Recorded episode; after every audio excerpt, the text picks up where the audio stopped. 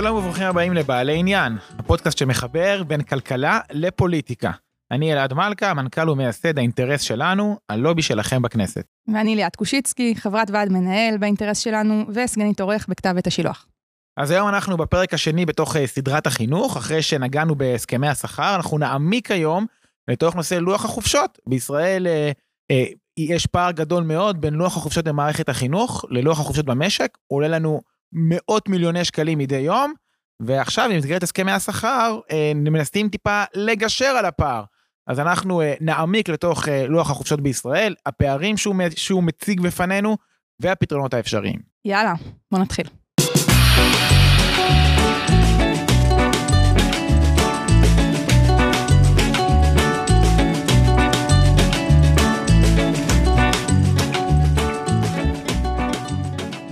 ועכשיו אנחנו אה, נפתח עם הנושא אה, הכי רגיש, ב- לפחות לכל מי שהפך להיות אה, הורה. אה, ואז גילה עולם מקביל, שלם, שבו מאוד מקפידים על איסור חג, ובו חופשת הקיץ היא נמשכת חודשיים. אה, ובשביל השיחה הזאת נמצאת איתנו ריקי ממן, חוקרת מדיניות אה, חינוך בפורום קהלת, פרשנית כלכלית במקור ראשון, וגם אימא, שאני מציינת את זה כי זו נקודה מאוד אה, רלוונטית לעניין שעליו אנחנו נדבר עכשיו, שהוא חופשות המורים בישראל. אז אה, אהלן אה, ריקי, אהלן. אלעד. לאן? נתחיל בשאלה הכי הכי בסיסית, כמה ימי חופש בעצם יש אה, למורים בישראל? אז תראו, אם סו- אם סופרים את זה הכל כולל הכל, אנחנו מגיעים למשהו כמו 100 ימי חופשה, אבל המספר שבאמת חשוב, הוא כמה ימי חופשה יש במערכת החינוך, שהם ימי עבודה בשאר המשק. זאת אומרת שרק מערכת החינוך נמצאת בחופש, וכל שאר המשק עובד, והמספר הזה עומד על 72 ימים. אה, זה אוקיי. לא... זה מספר מאוד מאוד גבוה של ימים שבהם הילדים אמורים להיות בחופש וההורים אה, אה, עובדים כרגיל. מאיפה הנתונים האלה?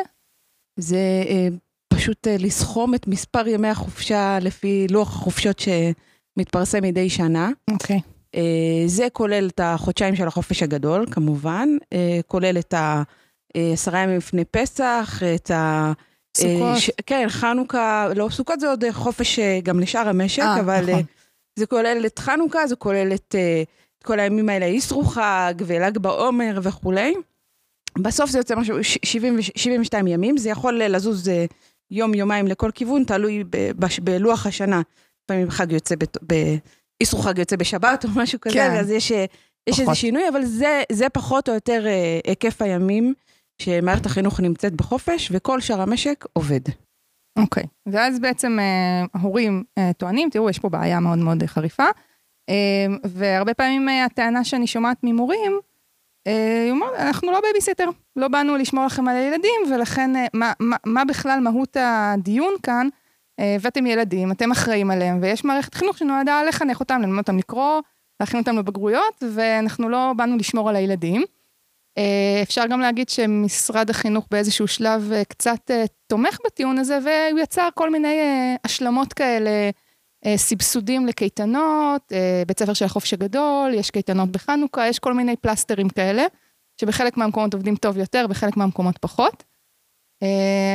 אז, אז בעצם מה אפשר לענות ל- לאותם, לאותה טענה?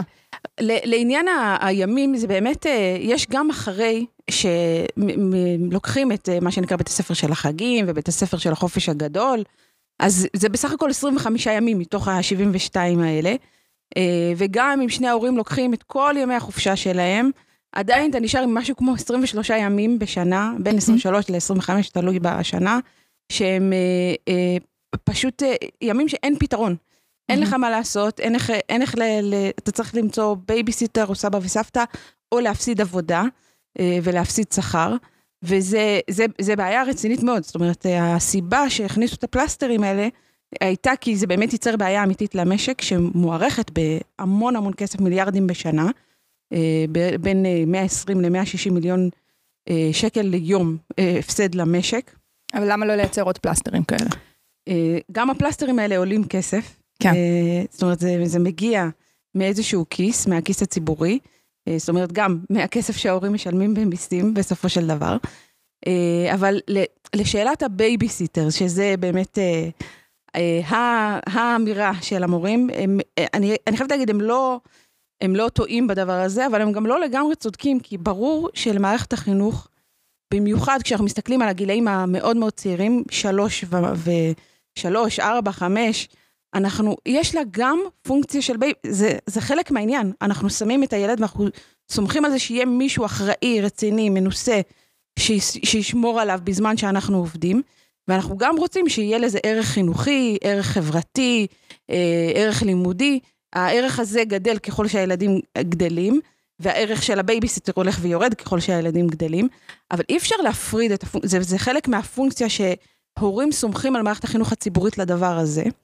אה, אבל אם אנחנו מסתכלים באמת על האופן שבו בנויה אה, מערכת החינוך ולוח החופשות של מערכת החינוך, אז יש יום בשבוע שהוא הוא, הוא בהגדרה כאילו בייביסיטר, יום שישי, אתה כן. שם אותו, אתה שם את הילדים, הם לא לומדים הרבה מאוד, זה יום קצר, אתה לא באמת צריך שהם ילכו לבית ספר כי אתה לא עובד, אבל שמים את הילדים כי זה נוח ואפשר לצאת לשתות קפה עם הבן זוג, וזה באמת יום שהוא, אה, בוא נגיד, מיותר.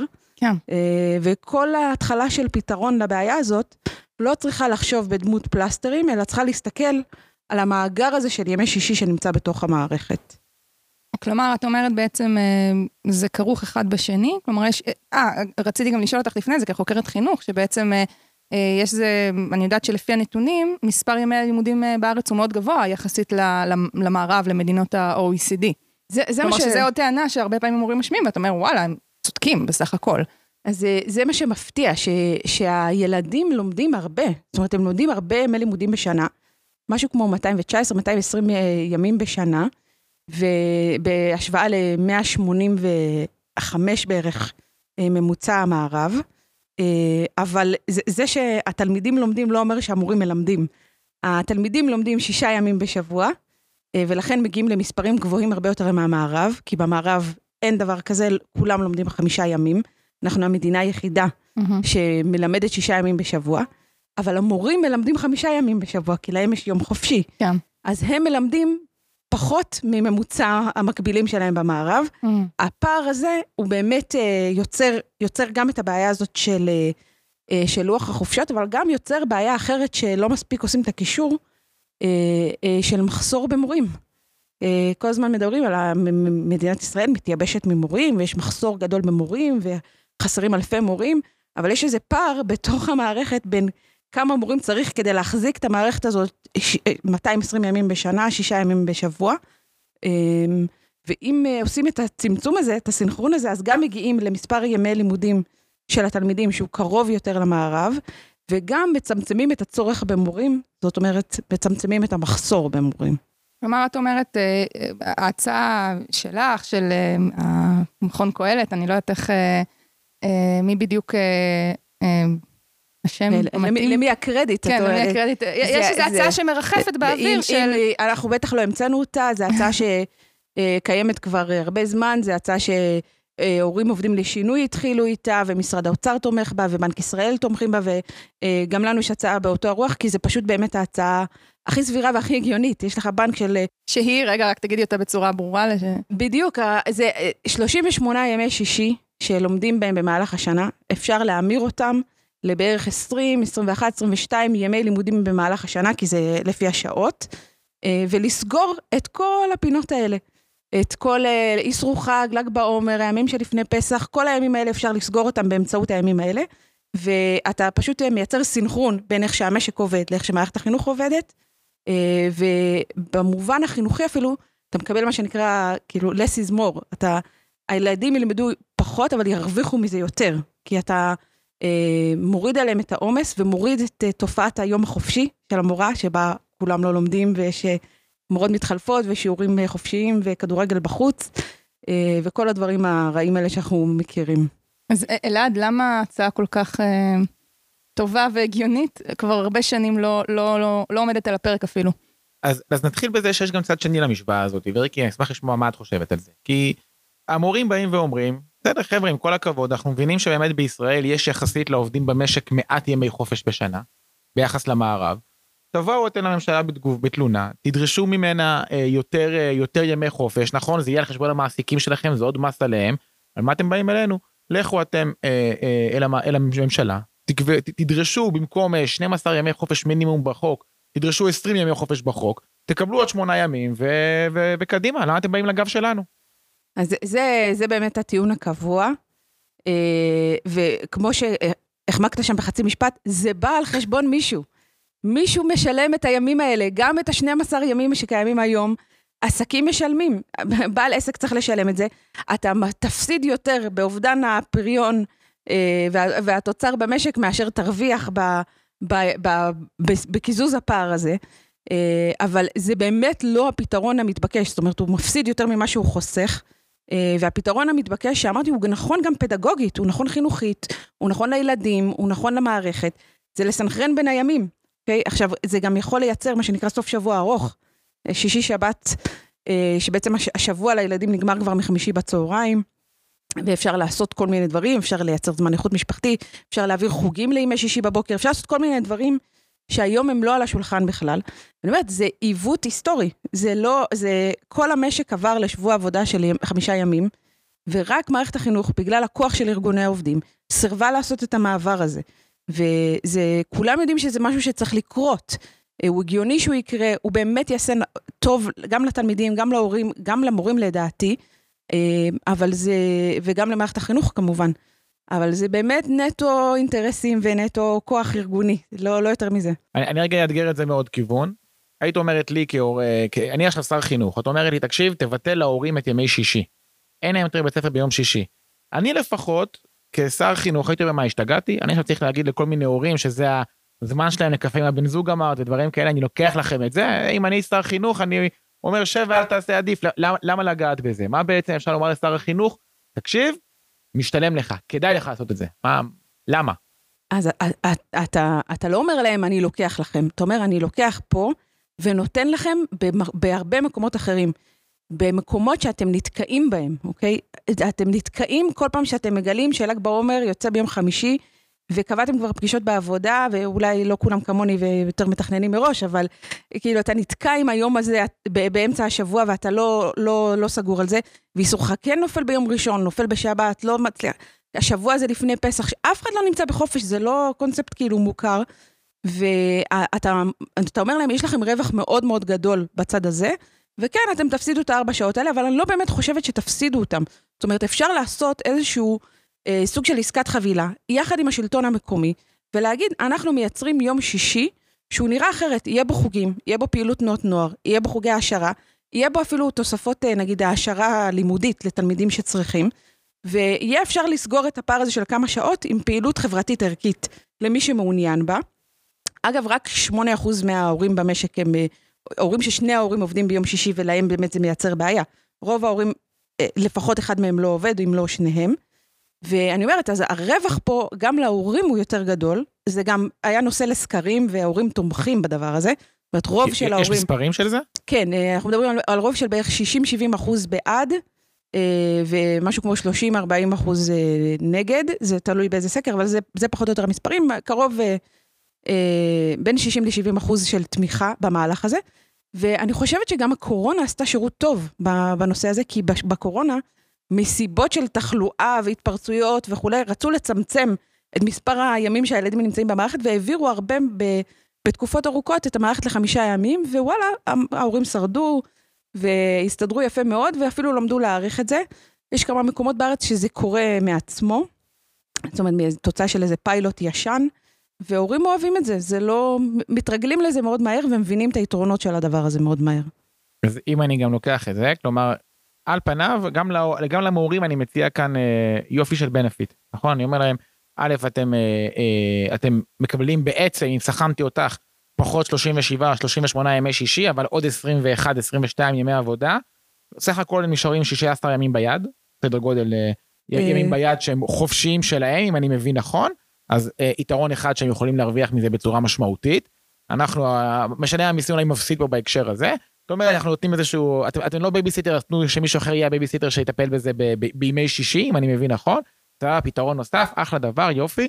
אה, ונשאלת השאלה, אחרי שעשינו את כל זה, מה נשאר עם הפער בין ימי העבודה במשק לבין, לבין מערכת החינוך? כמה ימים פער זה ישאיר לנו עדיין? זה סוגר את כל הפער? זהו. זה סוגר את רוב רוב הפער, אנחנו נשארים עם שלושה ימים. בעצם פער של שלושה ימים, שחלקם, אם מסדרים את זה נכון, נופלים על ערב חג, שממילא הרבה לא עובדים, זאת אומרת, זה די סוגר את הפער.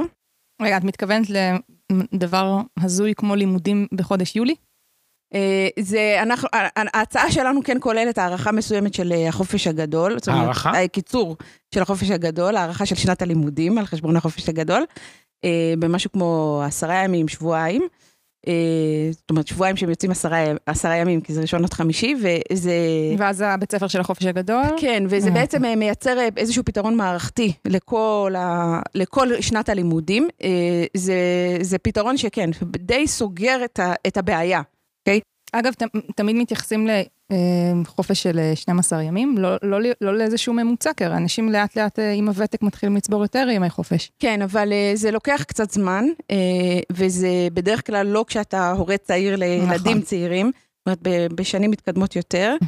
וזה מאוד תלוי במקום עבודה, זה תלוי בהיקף משרה, זה תלוי בכל מיני גורמים, אבל אנחנו לוקחים את, ה, את, ה, את המינימום החוקי, שבעצם הוא, הוא האמת מידה.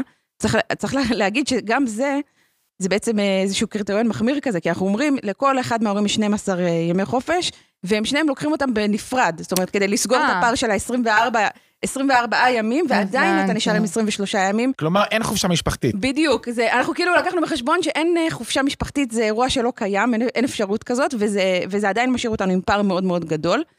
אה, צריך לקחת בחשבון שבאמת רוב המשפחות כן לוקחות איזה שבוע ביחד אה, בסוף הקיץ, זה, זה משהו שאנחנו מכירים, אבל אה, רק, זה רק כדי להמחיש את, את, את גודל האבסורד. אבל אני אגיד עוד משהו בתגובה למה שאמרת, אלעד, שהמורים לא אוהבים את זה, אוקיי? לא, זה לא שאנחנו מציגים, כאילו זה לא פתרון ווין ווין ווין לכולם כל הזמן, כי חלק מהמורים, יש להם יום חופשי באמצע שבוע, אה, והם אוהבים את היום חופשי הזה באמצע השבוע, זאת אומרת, הם לא, לא רוצים לוותר עליו, זאת אומרת, הם מעדיפים לעבוד את השישי קצר ולא את היום אה, ארוך באמצע השבוע, ו, והדבר הזה קשה להם להיפרד מזה, וגם כשעושים את, ה, את הסינכרון, אז אומרים, כאילו, כן, לקחנו את הבנק שעות הזה שמגיע מיום שישי, מחלקים אותו בכל השאר הימים, אבל המורים מבחינתם הם עובדים יותר. כי ימים שקודם הם לא עבדו, הם עכשיו כן יעבדו, כמו ל"ג בעומר. אז זה לא עוזר שכאילו לקחת את השישי הזה, כי במילא הם לא עבדו בו, שהם כן, כאילו זה לא משנה להם כל כך. כשאתה עושה את החישובים שלה לפי שעות שהם עובדים, אז הם כן עובדים יותר. בגלל זה בהצעה שלנו כן הצענו איזשהו גזר למורים, אה, בדמות אה, אה, מכסה מסוימת של ימי חופשה גמישים, אה, בין נגיד חמישה או שמונה ימי חופשה גמישים, שהם יוכלו, שהם יקבלו בתמורה והם יוכלו להשתמש בהם במהלך השנה. אה, צריך להגיד שזה באמת היום אין למורים דבר כזה. זאת אומרת, יש להם הרבה מאוד ימי חופשה, אבל הם לא יכולים לבחור מתי, מתי לקחת אותם, הם לא יכולים לצאת לחופשת סקי באמצע החורף, והם לא יכולים, אם, אחותה, אם אחות, אחותך מתחתנת, את לא יכולה לקחת יום חופשה וכולי, זה, זה אמ, בעיה מאוד גדולה למורים. אה, לכן אנחנו חושבים שזה פתרון שיכול להיות, אה, כשלוקחים את זה, זה יכול להיות באמת ווין ווין ווין לכולם. אני חייב לציין שזה נשמע כאילו, יש המון המון ידע מקצועי בדברים האלה, ו... אמרת בנק ישראל ומשרד האוצר והורים, אה, אה, איך זה נקרא אמרת? הורים עובדים לשינוי. הורים עובדים לשינוי, כי יש את מור, מורים מובילים שינוי. קיצר, כולם אה, אה, אה, בגדול, כולם באיזשהו מסכימומטר אחד עם השני, כולם מסכימים עם זה באיזושהי קנה מידה, אבל אה, זה מאוד מאוד מרגיש שבתוך הדבר הזה שנקרא כנסת ישראל, זה כאילו לא חודר. אין איזה אישור כניסה לכנסת, אה, לכל הדעות האלה, ככה זה נשמע, הם לא קיבלו אישור כניסה לוועדת החינוך, כי, כי כשזה מגיע לשם, זה כאילו כל חברי הכנסת בשנייה אחת הופכים צד. כולם הופכים צד בשנייה אחת ופתאום הם לא מודעים עכשיו להם אין אגב אין בעיה של ימי חופש לחברי הכנסת אז אולי בגלל זה אה, אה, אה, זה הסיבה אבל באמת זה זה לא חודר לשם זה לא מגיע לשם זה כאילו הם אוטומטית באים ואומרים לה או שאומרים אחד משני דברים או שאומרים הציבור מטומטם ולכן אנחנו הולכים עם מי שטוען את טענות יותר חזקות יותר נקרא לזה שנשמעות חזק כלפי חוץ למרות שאנחנו מבינים שזה לא הסיפור. אפשרות שנייה, שהם שוקלים את השיקול הפוליטי הפשוט שלהם, והם אומרים, אוקיי, מורים, לצורך העניין שמתנגדים למתווה הזה, הם סוג של one issue voters כאלה. אה, אם אני עכשיו אשנה את, אה, את, אה, את, את לוח החופשות, הם יכעסו עליי ולא יצביעו לי בגלל זה, אבל ההורים לעומת זאת, הם לא מצביעים בגלל זה, הם מצביעים על מדיני ביטחוני, הם מצביעים על משפטי, אף אחד לא, לא יצביע לי בגלל זה. בוא, ו... בוא נדבר על תקופת הקורונה, זה התקופה שאתה אומר... היה את הסיפור אה, של שר החינוך אה, דאז, אה, יואב גלנט, נכון? בסוף, נכון. בסוף שנה הזויה, שלא היה לימודים, שלא היה... היה, היה סגרים, אבל הרמטיים כאלה בהתחלה, אסור ללכת יותר מ-100 נכון. מטר מחוץ לבית. דברים מוזרים. תקופות אפלות שכאלו. תקופות כן. אפלות. ואז אתה אומר, טוב, יש פה מגפה עולמית, יש פה איזה אירוע שהוא באמת בסדר גודל אחר. היה איז- איזושהי ציפייה שלפחות אז, כשלקראת אה, סוף חודש אה, יוני, המגפה קצת אה, ירדה, שייתנו עוד כמה ימי לימודים, כי באמת היה, היה שם כמה שבועות, או לא, לא זוכרת בדיוק, חודש, לא, אני- שממש לא היה לימודים בכלל, עד לא היה, שהתחילו אה, כן. להבין את הלמידה מרחוק. וזה לא צלח. זה לא צלח, ולא רק זה, הוא נכווה, ובמהלך השנה אחר כך כבר לא היה אפילו דרישה מהמורים, זה כבר ירד מהפרק, וזה בזמן מגפה עולמית, באירוע באמת בסדר גודל אחר. שזה היה קשה להאמין שזה באמת קורה, אבל זה באמת, הם הלכו לבית הדין לעבודה ו, וניצחו בעתירה. מי ש- זה, מי ניצחו? רק בוא תעשי לנו הס- סדר, כי אני הסתדרות, באמת... הסתדרות המורים, היא הייתה אמורה, היה הסכם שהם אמורים להחזיר תשעה ימים ב- בראשית יולי, ואז היא הגיעה, ל... ואז אמרו, אבל היו יותר ימים, והילדים לא למדו, ולא, בתכלס לא למדנו. ההסכם היה רק על תשעה ימים הראשונים ההם. ש... בגני ילדים בכלל, אה, שאף, לא היה... כן, שלא היה, ש... באמת לא היה כן. שום דבר, אבל שזה אחת מה, מהתופעות כאילו ההזויות של הנוקשות הזאת של מה שלומדים בחטיבת ביניים ילמדו גם בגני הילדים. אם לומדים אה, למידה מרחוק, אז גם הגנים לומדים, וזה אותם תנאים, אין שום שונות, לא, לא מתחשבים בשום דיפרנציאציה בין הגילאים השונים. והם הלכו זה לבית הדין לעבודה, הם אמרו, לא ניתן עוד יום אחד, וגם את התשעה ימים האלה שהם התחייבו עליהם, הם בסוף לא נתנו. אה, בגלל שארגון המורים... הם עשו, הם עשו שם קומבינה יפה צריך לומר. קודם כן. כל הם, אה, הם הגיעו לאיזשהו הסכם עם, אה, עם האוצר שכאילו אמרו אוקיי יש הבדל כמובן בין יסודי לעל יסודי אז אנחנו נחזיר ימים בתנאי שגם העל יסודי יחזירו ימים.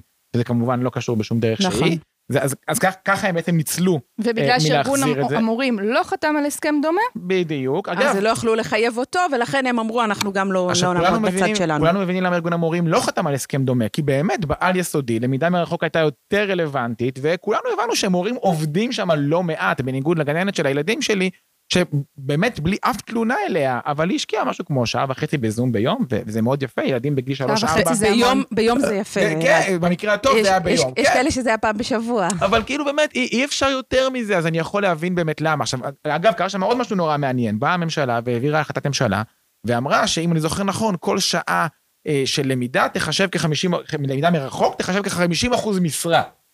לגננות ול, ולמורות באלף בית או משהו כזה. נכון. אה, העבירה את החלטת ממשלה וגם זה לא עזר לה יותר מדי בגלל אותו סעיף בהסכם שהיה ליפה בן דוד עם האוצר שאומר אני תלויה בחינוך זה- העל יסודי. זה משרד החינוך, שמואל אבואב חתם על ההסכם הזה וסינדל את האוצר, וזה, ובאמת הם, אחרי זה הם בחרו על זה בבית הדין לעבודה. זה הסעיף שמנע את ההחזרה אפילו של התשעה ימים האלה. זאת אומרת, המורים לא החזירו אפילו לא יום אחד, כמו שיפה בן דוד התחייבה בא- באולפן בחדשות 12. אה, ובאמת, אני אומרת, אפילו באירוע כזה, כמו שאמרת, שבאמת זה היה קרייסיס עצום, משבר עולמי, ובכל זאת לא ראינו שום נכונות לתת אה, איזושהי גמישות, שינוי, משהו. הדבר הזה באמת אה, רק אומר שבשנים רגילות, כשאתה רוצה לנגוע בדבר הזה שנקרא לוח החופשות, עד כמה זה, זה, זה מסובך. בגלל זה, זה, לא, כמו שאמרת, לא נכנס לכנסת, בגלל זה לא, לא עוסקים בזה, מפחדים מאוד לנגוע בדבר הזה. אה, זה, יש, יש את הבדיחה שאומרת אה, שתי סיבות להיות מורה בישראל, יולי ואוגוסט. כן. אה, אבל זה, זה, הם באמת עומדים על הדבר הזה, מבחינתם זה ממש, התנאים שלהם גרועים, והם עובדים נורא נורא קשה, ומאוד קשה לעמוד מול כיתה, וכבשת הרש שלהם זה החופש הגדול, ובזה אל תיגעו לנו, אל תיגעו לנו בחופשים. על הדבר הזה הם יצאו למלחמת עולם, ואפשר לראות את זה עכשיו עם המשא ומתן. רק, רק הזכרת את השם שלו אז אני חייב לציין את זה מנכ"ל משרד החינוך לשעבר שמואל אבואב הוא היום פרזנטור של ארגון המורים בקמפיין שלהם נגד אה, שינוי הבגרויות של אה, של שרת החינוך? הנוכחית הוא היום פרזנטור שלהם בסרטונים מדהים. בפייסבוק כן. אה, הזכרת את שמו אז אני חייב אה, אה, לומר את זה לא יודע אם יש לזה קשר להחלטה דאז אני חלילה לא אומר אני רק אומר שכנראה כבר אז הוא ראה את הדברים עין בעין אה, אה, עם הארגונים שם. אה, וכרגע אני חייב לציין ופה ניתן פה קרדיט יש פה שר אוצר שבעיניי שובר את הפרדיגמה נכון לעכשיו יש פה שר אוצר שובר את הפרדיגמה אני לא מספיק הצלחתי להבין מה מניע אותו אני לא רואה אותו יוצא לחגוג על זה סיבוב תקשורתי אה, מול, מול הציבור ולהגיד אני נלחם בשבילכם אני לא רואה אותו מתקפל כרגע מול ארגוני המורים אדרבה ההפך הוא משתמש בכל הכלים שיש לו. אה, אז, אז אני, אני, אני באמת לא מצליח להבין מה מניע אותו, אני רק יודע שיש כאן, יש כאן משהו. אל תוריד אותו מזה, זה... לא, לא, חלילה, אני, רק, אני הפוך, אם הייתי הוא, הייתי עושה קמפיין כאילו מול הציבור, על זה שאני נאבק בשבילו, אבל הוא לא, הוא לא עושה את זה. אני, אני, אז אני לא, אני חוקרת מדיניות חינוך, אני לא, לא פרשנית פוליטית, אבל אה, לדעתי, האלקטורט שלו בנקר, אוקיי? יש לו איזה חמישה מנדטים קבועים. הוא לא רוצה לגדול? רוצה לגדול, אבל אני חושבת שיש לו יותר סיכוי לגדול בקרב הורים לילדים צעירים, מאשר בקרב המורים, אוקיי? ולמרות שזה, שכמו שאמרת, המורים הם יותר uh, one issue voter מה- מהאחרים. אני בספק אגב, אני לא בטוח, אני גם לא חושבת שזה אני- עד כדי כך. אני לא בטוח שאיזשהו מורה עכשיו שהוא אוחז בתפיסת העולם לצורך העניין ימניות מדיניות, יבוא ויגיד, או, הנה, אה, אה, לא יודע, אה, השר הזה והזה, הוא אה, אה, אה, נלחם, הוא שינה לנו את, את, את לוח החופשות, ולכן למרות שהוא בעד הסכמי, הסכמי שלום ואקטיביזם שיפוטי וזה, אני אצביע לו. אני גם לא רואה אגב יותר מדי הפוך, כן? איזשהו אה, אה, הורה בעל אה, אה, תפיסת מדיניות אה, אה, שמאליות, והוא יבוא ויגיד, וואלה, בן גביר נלחם עכשיו בארגוני המורים, אני, כן. לא, אני לא רואה את זה נכון, קורה. אבל אני חושבת שליברמן כן אה, ניסה לאורך השנה האחרונה לפעול להורים לילדים צעירים. הוא כן נתן להם נקודות זיכוי במס, הוא כאילו עשה כל מיני צעדים כאלה, שהוא כן, אה, הוא אומר, אני דואג לכם, לאלה שהנטל עליהם כבד. אה, יכול להיות שזה חלק מה, מהעניין הזה, למרות שאני חושבת שהוא מתבטא בנושא הזה כבר אה, הרבה זמן, זאת אומרת, זה לא חדש. וגם צריך להגיד שאצלו במפלגה, עודד פורר, הוא, הוא כתב מתווה גם לשינוי לוח החופשות לפני נכון. כמה שנים. זאת אומרת, זה כן רעיונות ש... בכובעו אז בכלל כמייצג עצמאים.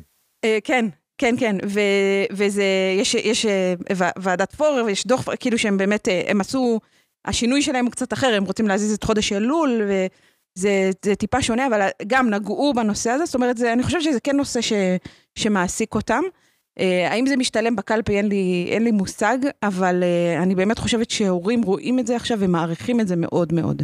עכשיו, מבחינה פוליטית, כלומר, מעבר לבחינה הפוליטית, מבחינה משפטית, איך זה עובד?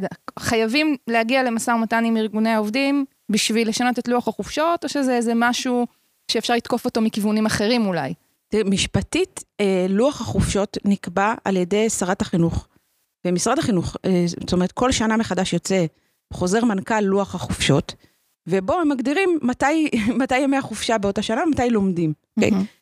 כ- כאמור, כל שנה זה טיפה משתנה בגלל חגים שנופלים על שבתות וכולי, וזה לגמרי, לגמרי בסמכותה של שרת החינוך. זאת אומרת, היא, היא למשל בתחילת אה, השנה, שנת הלימודים השנייה של הקורונה, שר החינוך היה יכול לבוא ולהגיד, אנחנו באמצע מגפה עולמית, השנה היא תיראה אחרת, אנחנו לא יודעים איך היא תיראה, ולכן יהיו ימי לימודים ואנחנו שומרים לעצמנו את הזכות להזיז את החופשות. הוא יכול להוציא חוזר מנכ"ל כזה, וזה היה קורה. אבל ארגוני המורים לא יכולים להגיד, אה, יש לנו אה, בהס- בהסכמי השכר שלנו, אה, מגיע לנו כך וכך, זה- ולכן אנחנו שופטים, ולכן זה- מגיע לנו זה לצאת לשביתה? תראה, זה, יש, זה מתחלק לשני חלקים. קודם כל, יש, הם, הם, הם אומרים תמיד, וזה פשוט לא נכון, שהסכם השכר מעגן את החופשות שלהם. זה לא נכון, עובדתית זה לא נכון. החופשה היחידה שמעוגנת באיזשהו הסכם זה החופש הגדול. אה, וכל שאר החופשות במהלך השנה לא מעוגנות בשום הסכם שכר, וזה לגמרי בסמכותו של משרד החינוך להזיז אותם. אה, הם כמובן, אבל, אה, having said that, יפנו לבית הדין לעבודה. זאת אומרת, הם יגידו, יש לנו פה הרעת תנאים, הורידו לנו ימי חופשה, היה לנו קודם, לקחו לנו כאן, זאת אומרת, הם יכולים להגיד את זה, אבל זה לא אומר שאפשר עדיין לשמור על מספר, נגיד, אם מסתכלים אחורה על הקורונה, אפשר להגיד, בשנת הלימודים אה, תש"פ או תשפ"א יהיה אה, 220 ימי לימודים כמו תמיד, אבל אנחנו לא יודעים להגיד מתי הם יהיו, ואנחנו שומרים לעצמנו את הזכות להזיז את החופשות לפי הצורך. וזה דבר שטרם הגיע לבית הדין לעבודה. כלומר, אנחנו לא ממש יודעים מה מה ייקבע בעניין. אה, לא, אנחנו לא יודעים, אבל אפשר לנחש שבגלל שזאת הרעת תנאים ונדרש מהם לעבוד יותר, בית הדין לעבודה יגיד, זה נושא למשא ומתן, תפתרו את זה. אה, אבל כאמור, עכשיו יש משא ומתן שמתנהל, ויש הרבה מאוד אה, כסף על השולחן, וכולם אה, רוצים לתת תוספות שכר למורים, יש ויכוח על איך מחלקים את התוספות האלה, והוויכוח הוא גם מה מקבלים בתמורה. אז יש פה שאלה, שר האוצר בא ואומר, אני מוכן לתת יותר כסף, אם אתם תיתנו לי משהו בתמורה, למשל, את שינוי לוח החופשות. אה, אני לא יודעת אם זה אפשרי לו כרגע משפטית, אבל אה, אם, אם זה באמת על השולחן. אז יש פה, יש פה דיון, יש פה מקל וגזר. כן. תיתנו יותר, תקבלו יותר. אה, וזה עומד, זה עומד ב, ב, בדיון. כרגע נראה שהמורים מתנגדים לזה נחרצות. נחרצות, אבל אני חייבת להגיד, פחות נחרצות מפעם. זאת אומרת, הנושא הזה באמת צף כל כך הרבה פעמים בשנים האחרונות. איך את מרגישה שזה פחות נחרץ? אז אני אגיד לך, אני אגיד לך מה מה. הסימנים? אז אה, זה, זה, זה האינדיקציות שלי, אני, כי אני, קשובה קשב רב. הניואנסים. כן, לניו, לניואנסים השונים. אה, פעם, כל פעם שהיו מדברים על, אה, על לוח החופשות, יפה הייתה אומרת, "אה, סליחה, זו לא בעיה שלנו, זה ההסכמים שלנו, אה, אתם רוצים, תוסיפו ימי חופשה לה- להורים, זה, זה עליהם, אני, אני לא אחראית על ימי החופשה שלהם.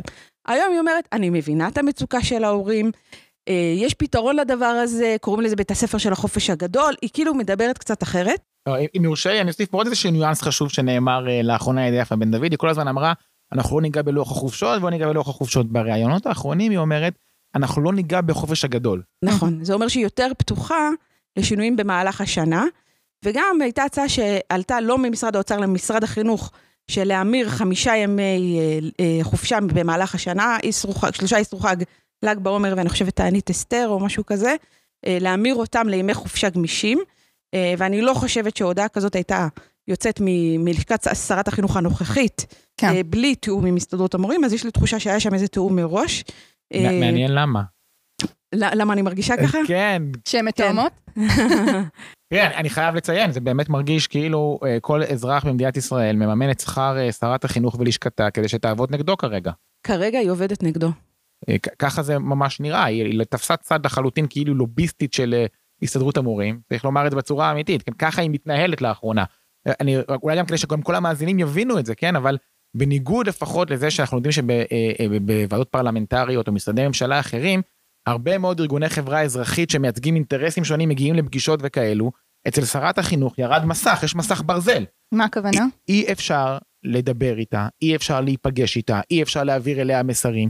היא אטמה את כל החלונות של המשרד של עצמה, היא שומעת רק את ארגוני המורים ואת הדרג המקצועי שלה. אה, אני לא מכיר אף גוף שמצליח באמת לנהל את השיח. אה, יש לי שיח עם הרבה מאוד משרדי ממשלה. חלקם בהסכמה, חלקם במחלוקת, חלקם מתוך יראה, חלקם מתוך כבוד, חלקם מתוך כל מיני...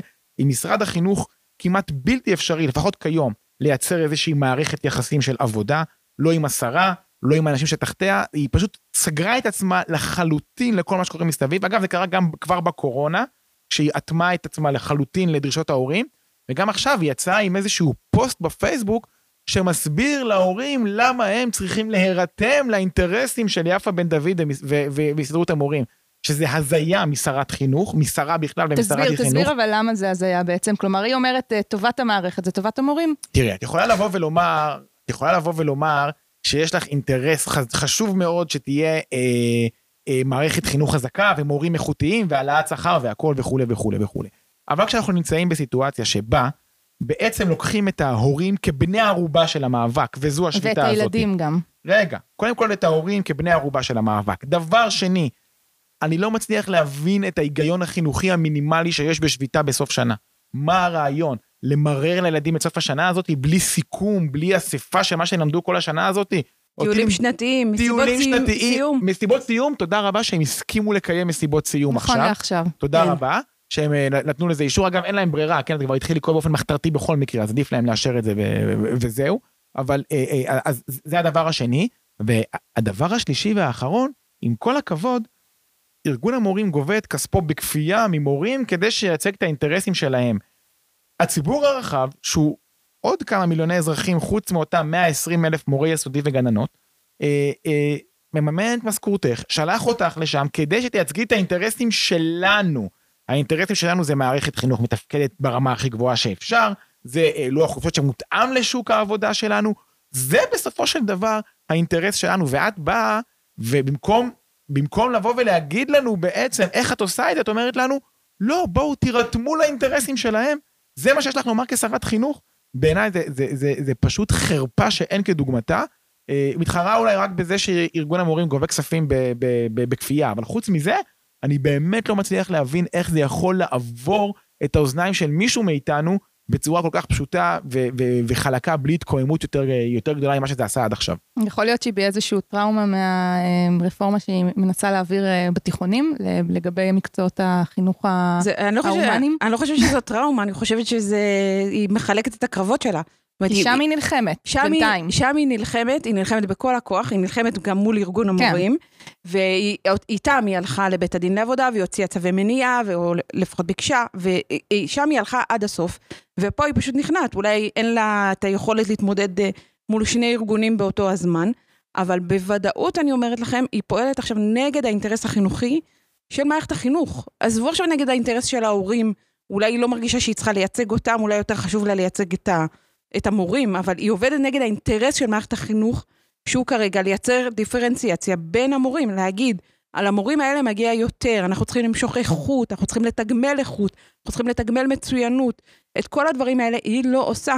היא עכשיו אומרת, תיתנו להם מה שהם רוצים, תשימו הרבה מאוד כסף, לא אכפת לי. בלי שינוי, לא במערכת החופשות. נכון, לא ב... ואני אגיד לך יותר מזה, זה, אם uh, מישהו uh, מעניין אותו, יכול להיכנס uh, לאינטרנט ולקרוא את uh, תוכנית החינוך של uh, מפלגת תקווה חדשה, uh, ולקרוא את הדברים שאני מניחה שלדוקטור uh, יפעת שאשא ביטון היה, הייתה השפעה עליהם, ולראות שהיא פועלת עכשיו בניגוד לדברים שהמפלגה שלה בעצמה אמרה שהיא תעשה, אם היא תקבל את, את המשרד הזה.